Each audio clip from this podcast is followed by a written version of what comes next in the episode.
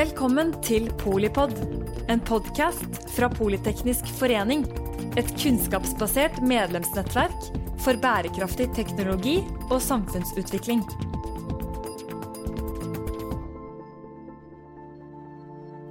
Velkommen til Elefanten i rommet, en podkastserie i regi av PFNext, hvor nye og utfordrende stemmer snakker om temaene som burde få mer plass i det offentlige rom. Mitt navn er Elise, og jeg er programsjef i Politeknisk forening. I dag skal vi snakke om eh, fremtid, økonomi og pengepolitikk. For vi lever jo en tid hvor polikrise kanskje er det mest passende ordet. Vi er så vidt ute av en pandemi som har pågått i over to år. Land beveger seg ut og inn av det europeiske markedet. Det er klimakrise, miljøkrise, energikrise, og alt oppi dette er det også krig i Europa.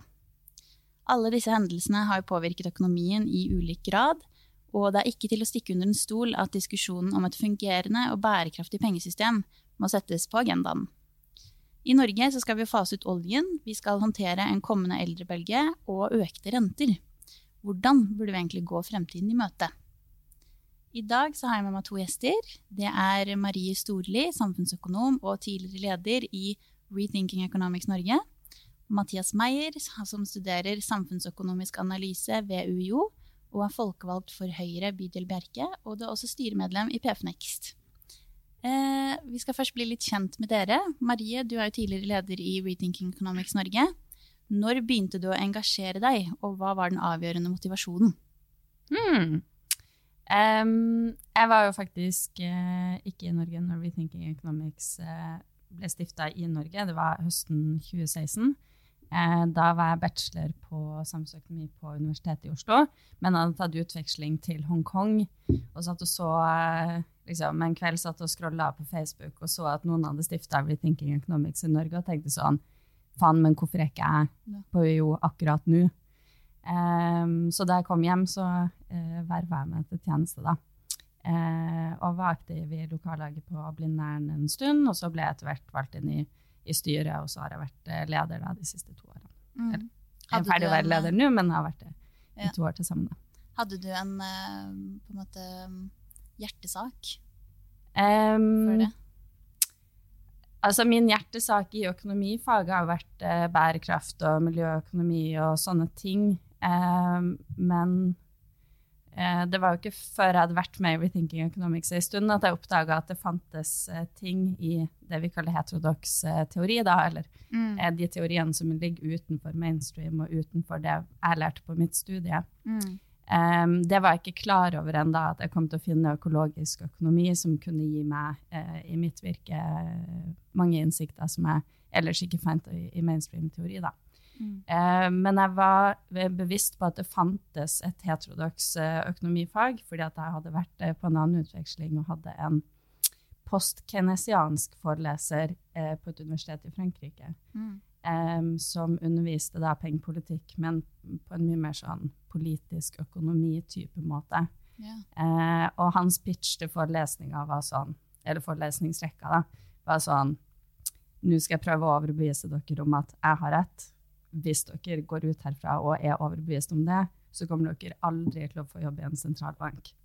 Og da var jeg veldig engasjert, eller syntes det var veldig spennende. da. Og var ikke for så vidt eh, helt enig med han, men syntes at det var en sånn tension som det var liksom morsomt. Og. Det var det som trigga det? på en måte? Ja. Mm. At det fantes liksom en sånn paradigme Ja, forskjellig verdenssyn, da, på en måte. Mm. Mm. For det er det Rethinking Economics jobber for?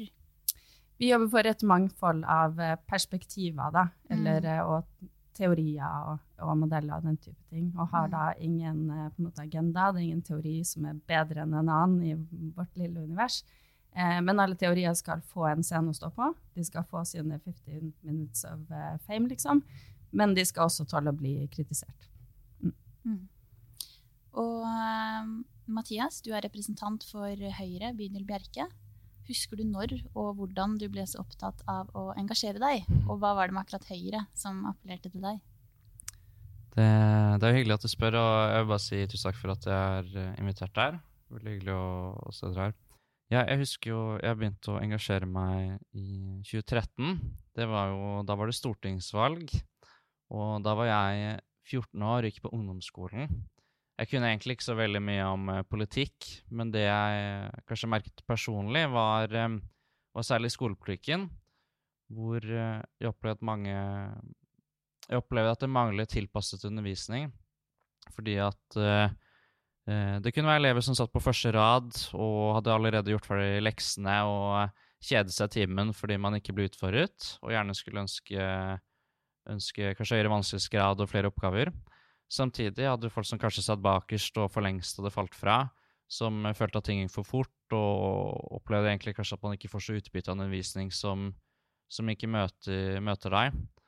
Og da opplevde jeg at Høyre hadde løsninger jeg hadde mest tro på, rundt, rundt skolepolitikk, rundt tilpasset undervisning, rundt å ha en skolehverdag som, som, som utfordrer og følger oss opp tilstrekkelig. Og ja, Så 2013 var jo året hvor eh, det var stortingsvalg, og jeg ble medlem av Høyre, sto på stand ved Karl Johan, og så, så, skal jeg ikke ta noe ære for uh, utfallet, men, uh, men, det var litt spesielt å liksom akkurat ha meldt seg inn den våren, og så Jeg vokste opp med at Arbeiderpartiet har styrt Norge så lenge jeg har levd, og plutselig så, så er det partiet med jeg nettopp har meldt meg inn, som styrer landet. Det viste for meg at veien kan være kort, kort fra engasjement til, uh, til, endringer i samfunnet. Og at det er uh, ting du kjemper for, er det Noen ganger kan man føle seg alene på skolen om det du tror på, men likevel så er det mange, mange der ute som, eh, som, er enig med deg. Mm. Jeg syns det er veldig interessant også akkurat det, for jeg tok jo eh, økonomi på bachelor, jeg også, eller noen økonomiske fag. Og da kjente jeg liksom at Eh, den var en veldig mainstream økonomisk teori som man ble på en måte dratt til høyre på det politiske, politiske spekteret jo mer man leste. Og det er jo egentlig noe som Rethinking Economics på en måte eh, viser, da. At eh, du må komme litt flere sannheter frem. Ja. Eh, enn kun den ene læreboka som viser at eh, vi trenger eh, dette punktet, på en måte, for å klare det det er sånn du får lik vekt i markedet, og det er det viktigste. Og, mm. og gir det mest effektive, eller mest velstand for flest mulig. Ja, Men uh, bare for å, for å, si det, da. Det er ikke sånn at uh, alle disse heterodokse teoriene er liksom lenger til venstre i politikken. Um, det er nok uh, i Rethinking Economics en overvekt av folk som faller til venstresida av politikken, men, men, en del av de teoriene um, er jo også høyrevridd, på en måte. Ja. ja. Mm. Eh, bare sånn, Det er ikke liksom et politisk prosjekt. Men sånn som du sier, da, som er jo litt spennende, og sånn som jeg følte når jeg studerte um, samfunnsøkonomi, er at man kan på en måte bruke mainstream økonomisk teori til å argumentere for veldig mange forskjellige eh, tiltak, grep eller syn. Mm. Um, så det er på en måte Det fins noen ting i nyklassisk teori som man kan argumentere eh, høyrevridd, men det brukes jo veldig flittig på venstresida av politikken av Arbeiderpartiet og SV. og eh, Kanskje ikke så mye Rødt, men også litt der. eller sånn. Mm. Um, så det er ikke så åpenbart en politisk agenda. Men du kan liksom bake eh, din agenda inn i eh, et nyklassisk argument og falle ned på forskjellige konklusjoner. Gjerne den konklusjonen du liker best. Mm. Mm. Ja. Og så er det også interessant jeg skal si noe, at um, du sa jo at du begynte å engasjere deg i 2014.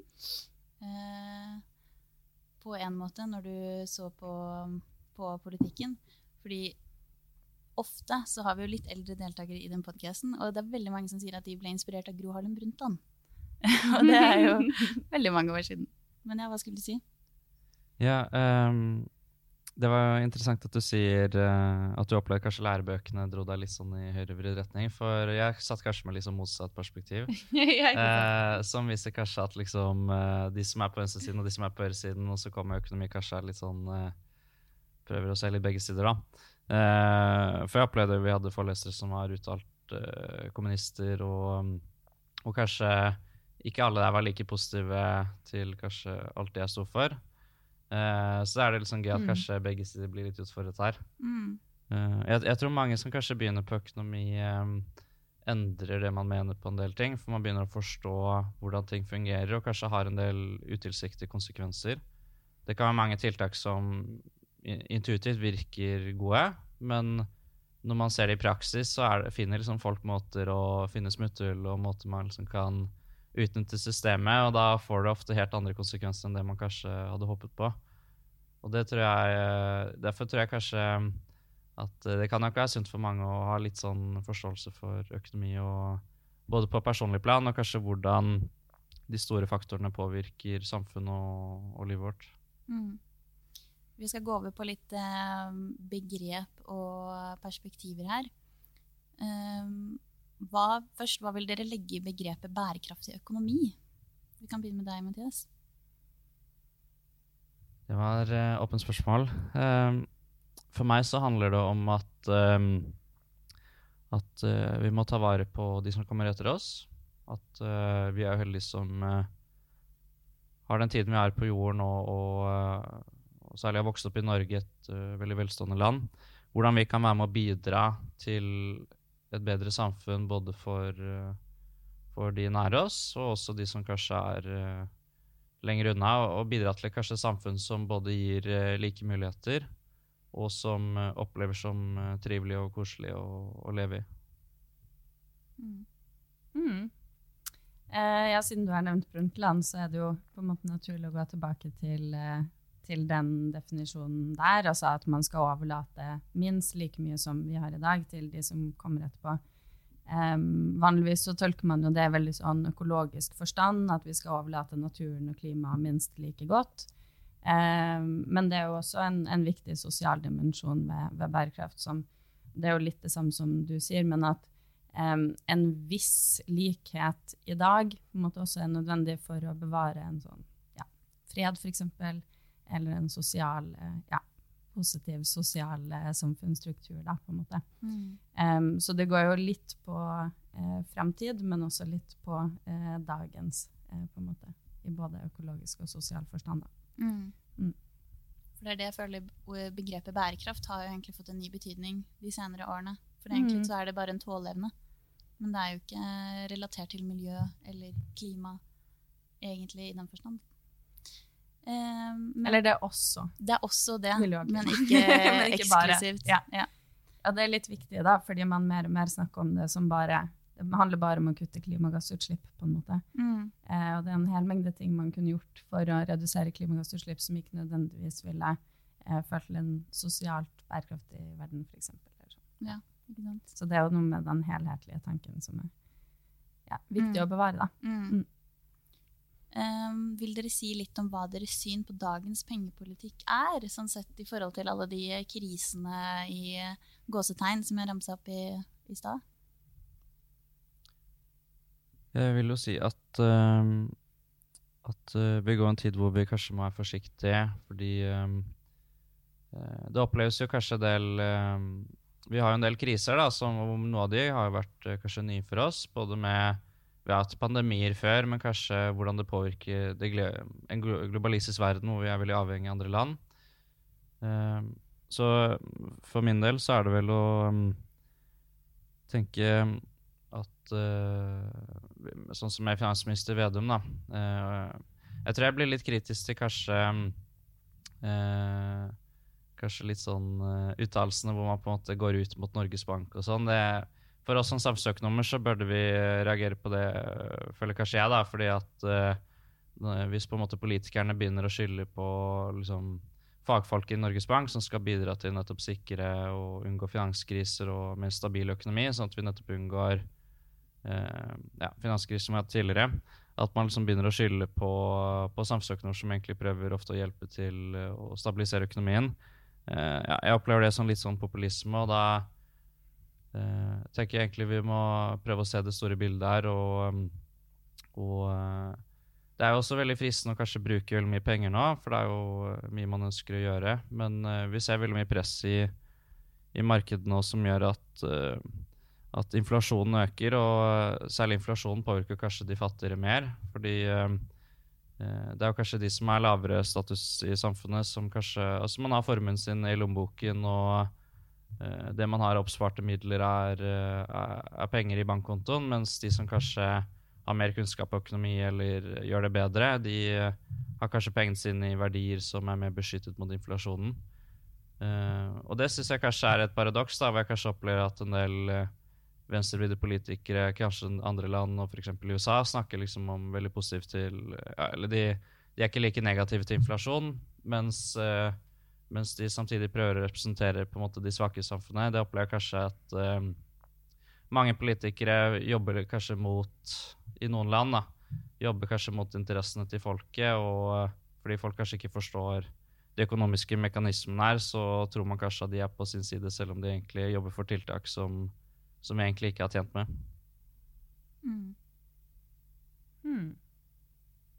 Fordi at de fører til høyere rente, eller hvorfor var de ikke tjent med det? Ja, Hvis f.eks. Eh, regjeringen nå ønsker å, å, bruke veldig mye penger, da, sånn regjeringen snakker om veldig mye ting de ønsker å gjøre Hvis man øker statsbudsjettet, så vil jo det medføre at, at, at inflasjonen kan øke, og da Konsekvensen av det blir jo at man må drive motkonjunkturspolitikk. Det er jo litt teknisk, da. Men det betyr i hvert fall at, at Norges Bank må, må, på en måte for å unngå på en måte bobler og ja, Så må de sette opp renten, som gjør at, uh, at ja, Norge som har mye, mye, lån, da, vil jo folk kanskje merke på boliglån og sånn. da. Mm. Mm. Det skal vi komme tilbake til litt senere også. Ja. Jo, men det Ja. Um starte den på nytt. Um, skal jeg bare svare på spørsmålet ditt? Ja, det ja. gjerne gjøre. Um, jeg tenker jo, siden vi har snakka litt om uh, mangfold allerede, at uh, pengepolitikken i de krisetidene som vi står i nå, er et godt eksempel på at man trenger uh, flere ting enn bare en hammer. Det er sånn som We Rethinking Economics ofte sier, om at man må lære mer enn én teori. Eller så har man bare en hammer, så ser alle problemer ut som en spiker. på en måte. Og det som er synd, er jo på en måte at pengepolitikken har denne styringsrenta som er et godt verktøy, men eh, har det som sitt eneste på en måte verktøy, nesten. Eh, det fins jo eh, andre måte, ting som skjer, ikke i, i, Norges Bank så mye, men i den europeiske og amerikanske sentralbanken, som er litt andre typer virkemidler som man har brukt siden finanskrisa. Men i Norge så er jo styringsrenta på en måte store, den store hammeren. da, som vi skal bruke nå.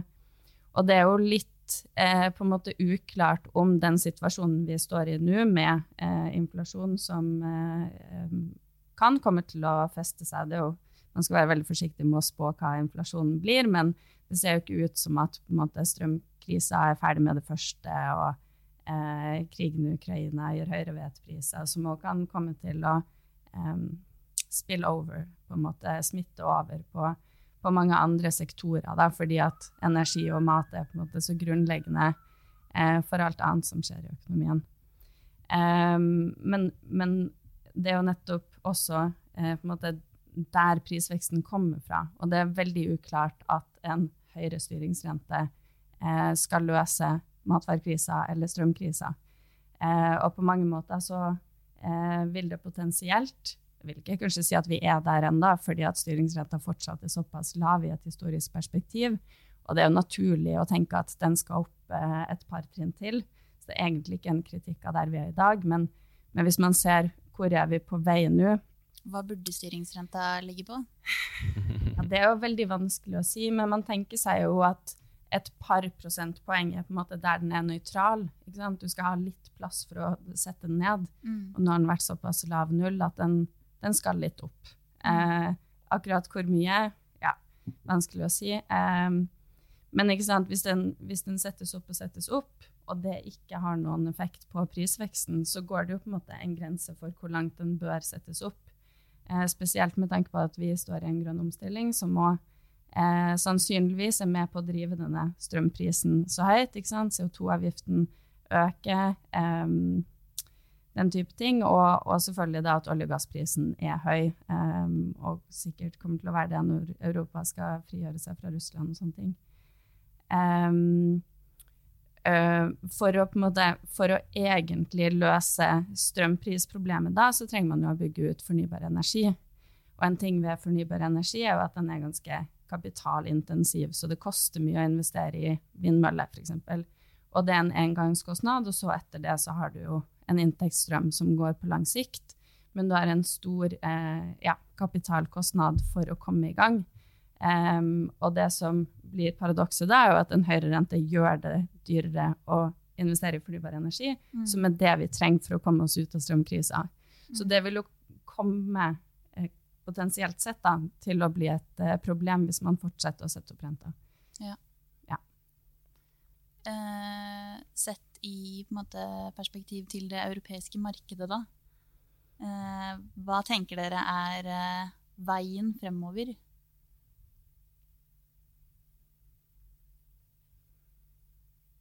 Men jeg kan eh, fortsette på min, fordi det var liksom var, I det som jeg snakka om nå, så var styringsrenta den eneste hammeren vi hadde, og det eneste Mm. vi kan gjøre for å kontrollere inflasjonen, er å sette den opp. Mm. Eh, hvis da det blir et problem at en høyere rente hindrer grønn omstilling, så bør vi jo se på andre typer verktøy. Eh, om det går an å eh, finne måter å eh, rasjonere kreditten på sånn at den eh, i større grad tilfaller grønne investeringer. Kanskje de har en lavere rente på den type investeringer. Um, og at man eh, heller begrenser kreditten i de sektorene som er under press. Fordi det er jo Mm. ikke sånn at selv om man har ett inflasjons... Eh, liksom konsumprisindeksen eh, som gir deg ett tall på inflasjonen, så er det jo forskjellig type prisvekst i forskjellige sektorer av økonomien. Så man kanskje må, må gå litt mer eh, i detaljene da, for å se og styre litt eh, på en litt annen måte. Da trenger sentralbanken noen andre verktøy da, enn denne hammeren. Ja, jeg vil jo eh, Ja, vi ser jo at en del eh, På prisvekst, da, så er det en del varer som uh, har gått opp i pris. Du nevnte jo sånn som en hvete, som man har veldig mye produksjon i uh, Som er porket rundt Ukraina-krigen nå, for det produseres mye i Russland og Ukraina. Eh, og strømprisen er også noe som påvirker mange nordmenn. Og så har du f.eks. boligprisene. Det regnes jo ikke inn i inflasjonen. Uh, men det er jo en stor del av husholdningens kostnader, så sånn sett kan jo kanskje en del husholdninger oppleve redusert kjøpekraft, Uh, selv om det kanskje ikke regnes inn i, inn i inflasjon. Um, og eh, ja, du nevner jo med, med, med renten og sånn. Jeg, jeg, tror, jeg tror jeg ville vært forsiktig kanskje med å bruke renten for å liksom påvirke investering direkte til f.eks. grønn industri alene. Den skal representere um, hele samfunnet. Eh, da tror jeg kanskje man eh, heller bør se på mer sånn finanspolitikk gjennom eh, insentiver og på en måte at man, eh, at man har skatt på, på utslipp, at man betaler for de kostnadene man fører til planeten. Det er vi nok sikkert begge enige om.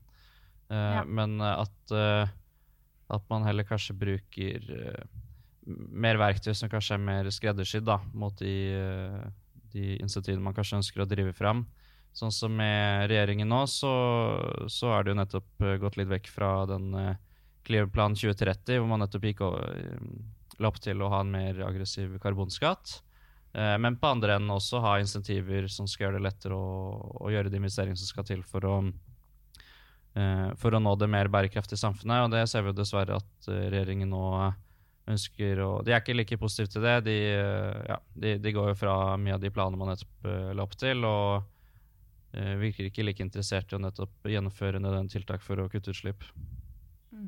Marie? Nei, men det er jo nettopp den muligheten til å skreddersy løsninger som jeg eh, snakker om. Ikke at man skal bruke styringsrenta for å, eh, for å få klimaomstilling i økonomien, på en måte. Men at man, man må utvide litt sånn repertoaret til sentralbanken, kanskje, hvis man kommer i en situasjon der det her er problemet. Der man jo akkurat begynt å snakke om at det problemet kan komme, så vi har jo fortsatt eh, en liten vei å gå før, eh, før man er helt der. Men at kanskje eh, grønn omstilling da må bakes inn i sentralbankmandatet. Det er også en diskusjon man kan ha. Um, og at man kan finne måter der pengepolitikk og finanspolitikk samarbeider om å få til den omstillinga som vi trenger. At ikke det alltid blir en sånn skyttergravskrig der idet finansministeren sier at vi skal bruke penger på sånn og sånn, så motsvares det av en renteøkning. Eh? At du hele tida tar og gir, tar og gir, og kommer ingen vei. Um, så noe med den linken der som kanskje må reforhandles litt. da. Og det kan man nok finne måter å gjøre på. Ja, jeg vil jo si at uh, det at banken uh, må en, eh, øke renten, er jo nettopp på at eh, altså, Den store faktoren er nettopp statlig pengebruk. Og det handler nettopp om at man må prioritere. Sånn statsbudsjettet, eh, Hvis man øker størrelsen på det, så setter man mer press på økonomien, og da må man som konsekvens øke renten. Det er fristende å, å bruke penger på masse tiltak, men jeg føler man må tenke på at selv om det er mye enkelttiltak som kan stå innenfor, summen av de vil innebære økte kostnader, og da, da må vi rett og slett prioritere. vi må prioritere ressursene på, på, på langsiktige investeringer, på det grønne skiftet. Um, og da opplever jeg kanskje at uh, den, den, sosialistiske linjen da, i norsk politikk kanskje uh, sier liksom ja takk, begge deler til, til alle tiltak. Og, og, og, da blir man straffet på det senere etterpå at man uh, varmer opp økonomien, som fører til renteøkning. At man heller bør tenke at man bør være mer varsom i pengebruken. At man Eh, bør ikke tenke at, uh, at skattepenger er liksom en gratis skattkiste av folks penger, men heller prøve å tenke hvordan kan vi bruke de ressursene vi har i dag, mer effektivt. Jeg tror nettopp det med mer effektivt er poenget. Det er ikke, eh, jeg sier ikke at pengesummen som staten bruker over statsbudsjettet, ikke er viktig, men det aller viktigste er jo hva de pengene brukes på. I den grad de brukes på en måte som investerer i fremtidas eh, produksjonskapasiteter, altså at investeringen som staten gjør, bidrar til produksjonsvekst, så får vi et større økonomisk overskudd i morgen, og det, den type pengebruk lønner seg. Men så bruker jo staten penger på veldig mange måter. Men det betyr at man kan ikke bare være opptatt av selve tallet. Du må også være opptatt av hvordan de pengene brukes. Og det å investere i grønn industri vil være eh, ja, formålstjenlig for eh, de aller, aller fleste av oss. Hvis vi skal se inn i eh, krystallkula litt forbi 2030, er på en måte fremtiden noe vi bør frykte, eller hva mener dere er veien å gå? Jeg tror vi må mm. Jeg tror tanken om at uh, fremtiden er noe å frykte, er vel kanskje ikke noe så produktivt. Men, uh, men, jeg tror man kan Man bør jo uh, Man bør vel tenke at, at man har grunn til å alltid være bekymret over hva som kan skje, men man bør ikke være urolig nødvendigvis at man blir handlingslammet. Og uh, jeg, jeg, jeg, velger å være optimistisk og tenke at uh, alle de fantastiske menneskene som bor på jorden, at uh, vi bidrar til mer teknologi, bedre løsninger, at man finner på forsker på grønn innovasjon, og at, man, at, vi kan klare de store utfordringene. Men det, det vil kreve vilje, og det vil kreve at vi, at vi prioriterer ressursene. Og uh, vi har vært inne på kanskje en del trender som, som, skaper problemer. Og det har vi jo sett gjennom hele historien, at uh, vi opplever krig og katastrofer og uh, hungersnød og sykdommer og pandemier. De tingene vi opplever i dag, har jo vi opplevd i menneskeheten tidligere. Men vi klarer å finne løsning på det, og hvis vi har riktig tankesett og, og prøver løsningsorienterte, så tror jeg vi kan komme oss gjennom det. Det er bra man må være litt optimistisk, men jeg syns det er Vi har det, det også litt... bedre enn noen gang. Det er viktig å påpeke. Vi har det bedre enn noen gang. Um, det som jeg tror er liksom en ting for uh, vår generasjon, vi er jo alle her mm. ganske unge, er at man, uh, de som kom før oss, trodde hele tida at ting skulle bli bedre.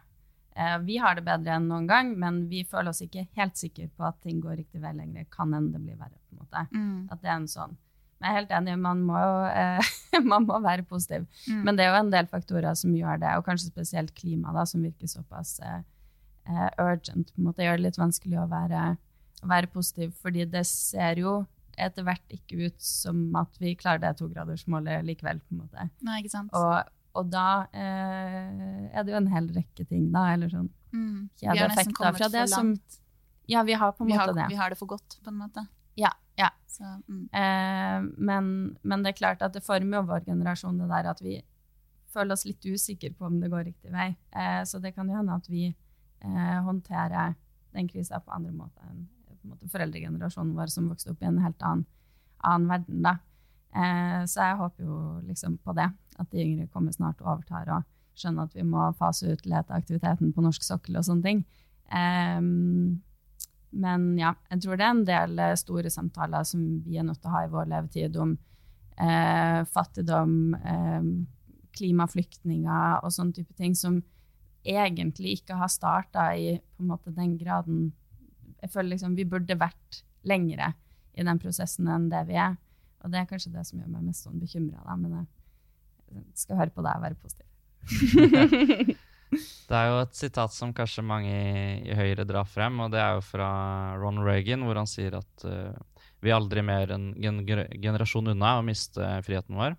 Mm. Og uh, jeg tror det kanskje viser nettopp at det å sikre en, et samfunn vi ønsker å leve i, det er en kontinuerlig innsats. Det er ikke noe våre foreldre kan eh, legge grunnarbeidet for, og så, og så går det gratis. Men eh, det er noe alle generasjoner må fortsette å kjempe for. Vi nevnte frihet, men også for, um, for klima og jeg tror vi, vi, ser jo sånn som med, med, krigen i Ukraina nå, har jo uh, På den ene siden så krig fører jo selvfølgelig med enorme utslipp og, og, og liv som går tapt. Men uh, vi, vi, ser jo også at kanskje en del land i Europa som har gjort seg veldig avhengig av russisk gass, de begynner nå å revurdere det. Begynner å se, kan vi, sånn som Tyskland og Belgia har jo vært veldig negativt til kjernekraft.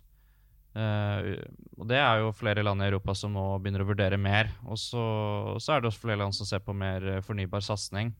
Så, uh, så, her er det jo nettopp ting som er i veldig stor endring. At vi, vi tror, altså Når tyskerne, tyskerne gjorde store bånd til russerne med å gjøre seg avhengig av gass, så tenkte man at det er vil stå i mange tiår. Nå begynner man plutselig kanskje å revurdere det. Så uh, så jeg, jeg, tror særlig oss unge som, eh, som, eh, studerer nå og vurderer hvilke jobber vi må gå inn i, og sånn, at uh, vi kan være med på å bringe fram disse endringene, bidra til innovasjon, bidra til forskning. Komme med de løsningene på hvordan vi kan skape det grønne samfunnet. Og det ja, det, det, tror jeg alle generasjoner, alle generasjoner vil oppleve kanskje sine utfordringer som vi må løse. Våre foreldre hadde jo sine, og ja, og da, da, er kanskje det vårt ansvar nå å, bidra, til, eh, bidra, til, løsninger. Bidra til løsninger og verne om demokratiet. Det Viktigste. Det kan vi være enige om. Ja. Tusen takk for at dere kom, Marie Storli og Mathias Meier. Takk for at dere fikk komme. I like måte. Takk for at du lyttet til Polipod fra Politeknisk forening. Få med deg flere episoder, eller bli med på nettverksmøtene som du finner på at polyteknisk.